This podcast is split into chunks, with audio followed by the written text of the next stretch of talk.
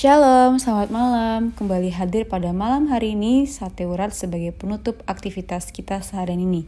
Tema Sate Urat pada hari ini adalah Jadilah Pelayan yang Setia. Sebelumnya, mari kita bersatu dalam doa.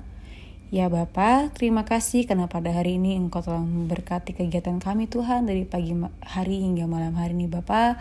Kiranya apa yang kami lakukan Tuhan itu menjadi kekuatan dan berkat bagi tubuh kami, bagi hidup kami dalam setiap kegiatan pekerjaan maupun sekolah maupun apa pun itu yang kami lakukan aktivitas kami Tuhan dan ampunilah kesalahan kami yang kami lakukan secara sengaja ataupun tidak Bapa.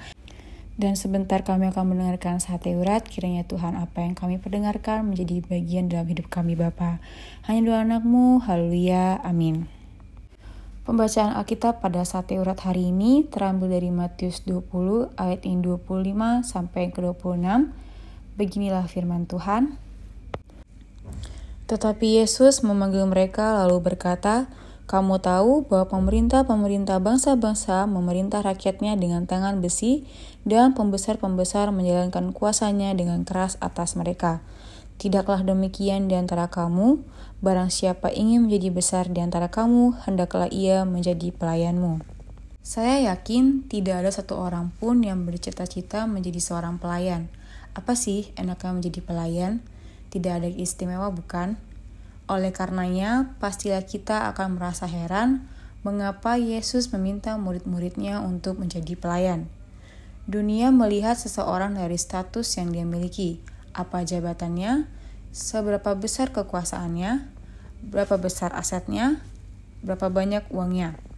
Semakin kita mengejar status duniawi, maka semakin hidup kita akan dikendalikan oleh perilaku yang ambisius. Kasih tidak lagi ada dalam hidup kita. Semuanya bukan lagi mengenai kita dan sesama manusia, namun melulu mengenai saya dan saya. Tetapi Allah tidak memandang semuanya itu. Sahabat muda, Allah tidak melihat berapa banyak dan berapa besar status kehidupanmu di dunia. Allah manusia di dunia ini. Apa gunanya status duniawi jika hidup kita tidak berharga di mata Allah dan hidup kita tidak berarti bagi sesama kita? Tuhan Yesus lebih dahulu memberikan contoh dengan hadir ke dalam dunia untuk melayani, bahkan Dia memberikan nyawanya untuk menjadi tebusan bagi banyak orang. Beberapa tahun lalu, seorang teman presbiter senior berkata bahwa kita masih belum berdarah-darah untuk melayani Tuhan Yesus. Jika dibandingkan dengan banyak saudara-saudara seiman yang bahkan harus mati karena mempertahankan iman mereka. Memiliki ambisi dalam hidup adalah sesuatu yang positif, namun bukan ambisius.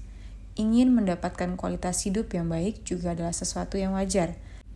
Namun, lakukanlah semuanya itu dalam tuntunan dan kehendak Allah – tetapi seperti apa yang Allah inginkan.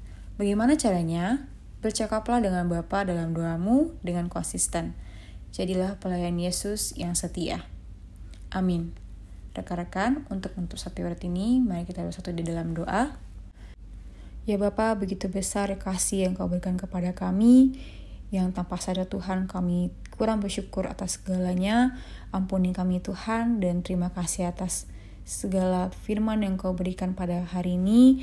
Kiranya juga Tuhan, seperti firman yang sampaikan, kami bisa menjadi pelayan setia bagimu Tuhan, mempertahankan iman kami Tuhan dalam segala hal. Bapa hanya dua anakmu, dalam tangan pengasihan dan mencukup syukur. Haleluya. Amin.